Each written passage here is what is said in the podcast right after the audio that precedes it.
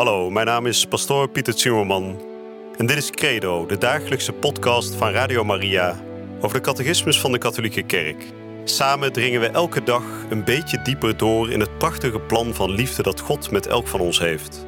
Laat je inspireren en ga met ons mee op deze avontuurlijke reis door het geloof.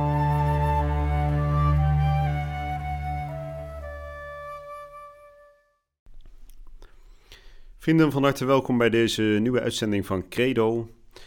Waarbij ik vandaag kan melden dat ik toch eigenlijk wel goed nieuws heb. En dat is het goede nieuws dat we vandaag zijn aanbeland bij aflevering nummer 100. Dat is toch wel een mijlpaal in deze serie. En het is tegelijkertijd ook heel mooi, want nummer 100 valt precies samen met het geloofsartikel dat spreekt over de verrijzenis van Jezus uit de dood. Ik heb dat zelf niet zo gepland, want ik heb wel geprobeerd om deze uitzending een beetje logisch in te delen, maar je kunt dat niet helemaal tot in de kleinste details plannen. Dus ik ben uh, aan de slag gegaan en nou blijkt dat aflevering nummer 100 precies samenvalt met de verrijzenis van Jezus uit de dood. U weet misschien, 100 is het getal van volheid in de Bijbel. Het is toch wel heel mooi dat we juist uitgerekend op deze dag gaan spreken over Jezus' verrijzenis. We gaan vandaag behandelen de nummers 638 tot en met 644. Een vrij lange tekst die dus spreekt over het moment waarop Christus opstaat uit de dood.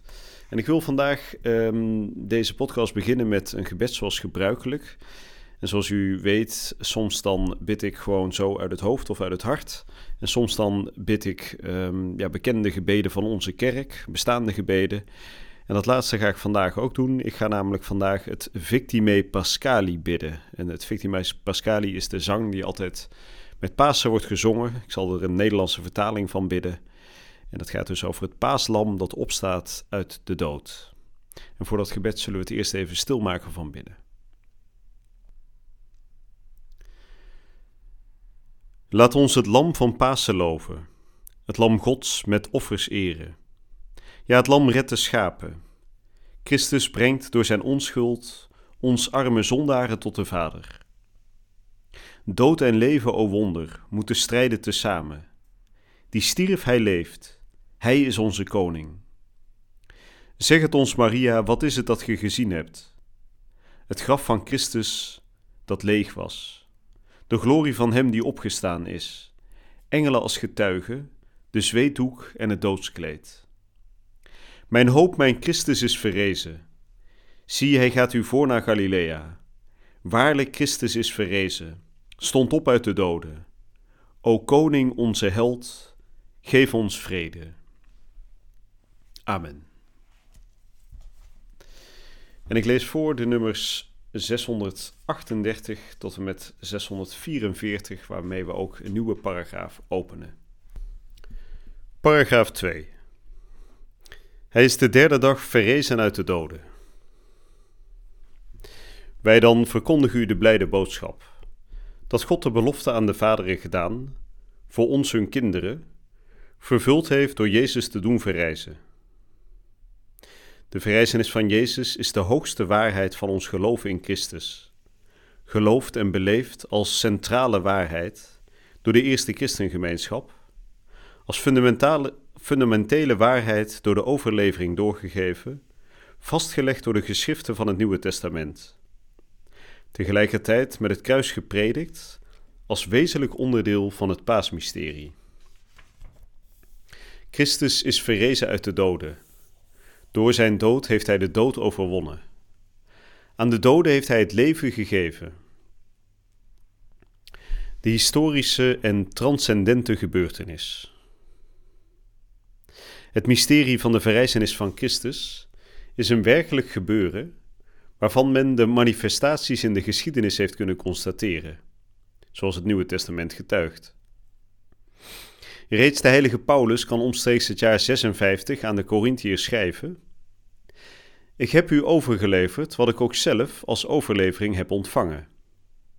Namelijk dat Christus is gestorven voor onze zonden volgens de Schriften.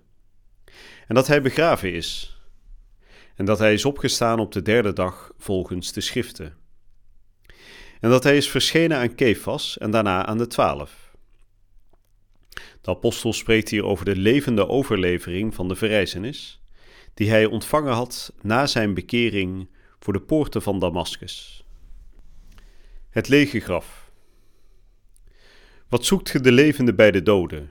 Hij is niet hier, hij is verrezen.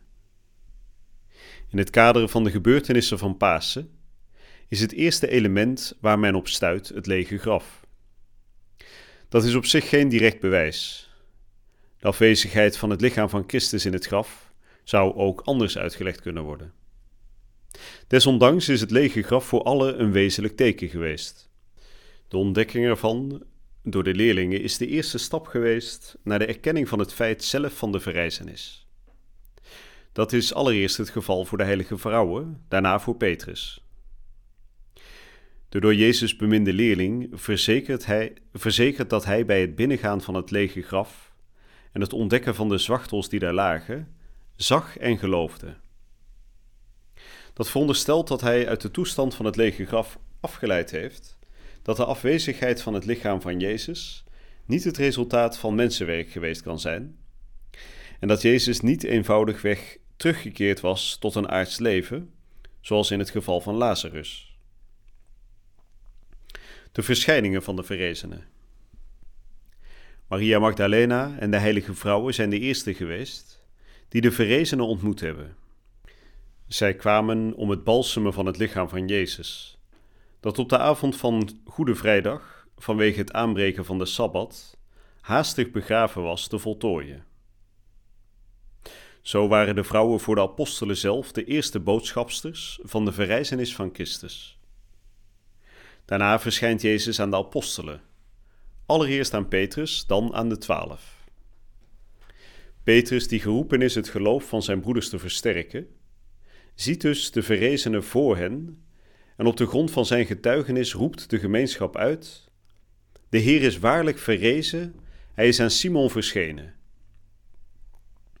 Al wat in die paasdagen gebeurd is, betrekt ieder van de apostelen afzonderlijk, en heel in het bijzonder Petrus, bij de vestiging van het nieuwe tijdperk dat op de paasmorgen begonnen is. Als getuigen van de verrezenen blijven zij de fundamenten waarop zijn kerk gegrondvest is. Het geloof van de eerste gemeenschap van gelovigen is gebaseerd op het getuigenis van concrete mensen, die de christenen kenden en die voor het merendeel nog onder hen leefden. Deze getuigen van de verrijzenis van Christus zijn vooral Petrus en de twaalf. Maar zij niet alleen. Paulus zegt duidelijk dat Jezus, behalve aan Jacobus en aan alle apostelen, ook nog aan meer dan 500 personen tegelijk verschenen is.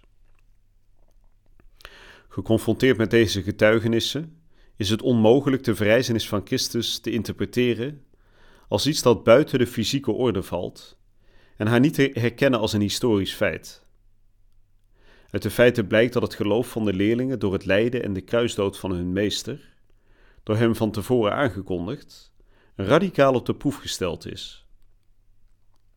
De schok die het lijden teweegbracht was zo groot dat de leerlingen, of tenminste sommigen onder hen, niet onmiddellijk het bericht over de verrijzenis geloofden.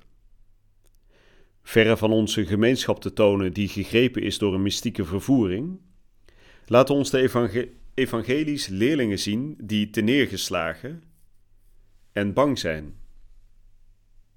Daarom geloofden zij de heilige vrouwen niet, toen zij van het graf terugkeerden. En leek dat verhaal hun beuzelpraat.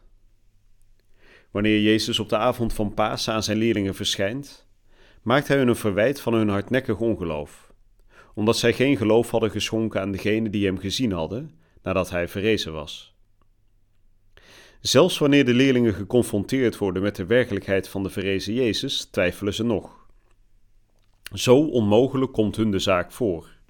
Zij menen een geest te zien. Van vreugde en verbazing kunnen zij niet geloven. Thomas zal dezelfde beproeving van de twijfel kennen. En bij de laatste verschijning in Galilea, zoals die door Matthäus verteld wordt, twijfelden sommigen echter. Daarom is de hypothese dat de verrijzenis een product van het geloof of van de lichtgelovigheid van de apostelen zou zijn geweest, ongegrond. Integendeel, Hun geloof in de verrijzenis is onder de werking van de goddelijke genade voortgekomen uit de directe ervaring met de werkelijkheid van de verrezen Jezus. En dat was het laatste stukje van 644.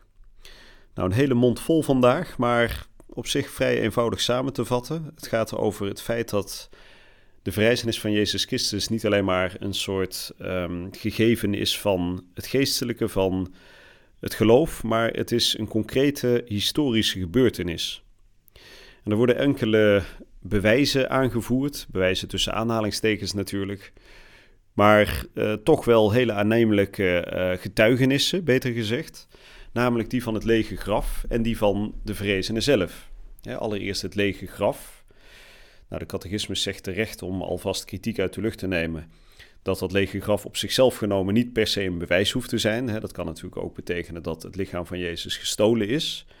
Maar we zien wel dat de leerlingen, die eerst te neergeslagen zijn, bij het zien van het lege graf ineens vervuld worden van vreugde en van een nieuwe hoop.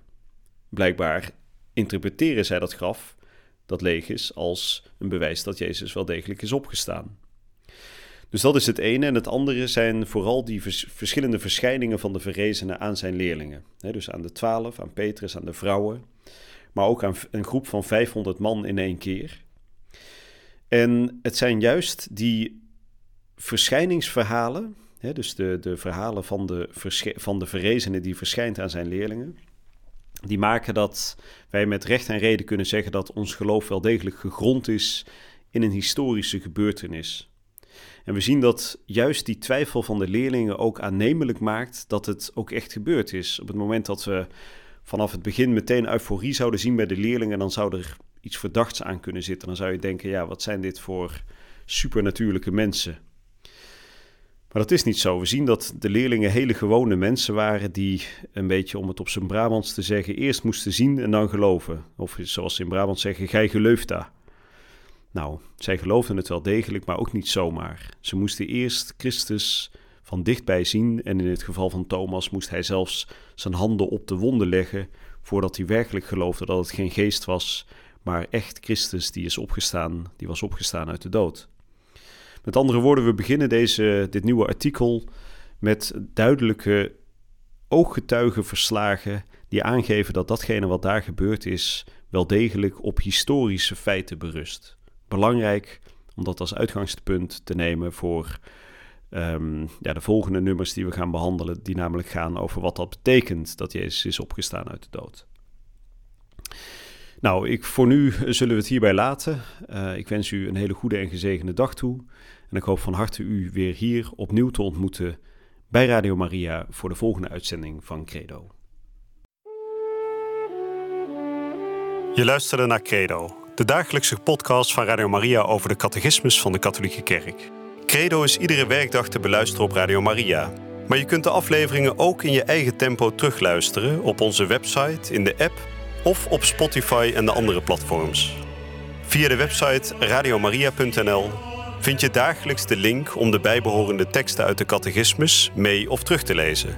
We zijn erg dankbaar voor alle giften die wij mogen ontvangen. Daardoor kunnen we ons goede werk blijven doen.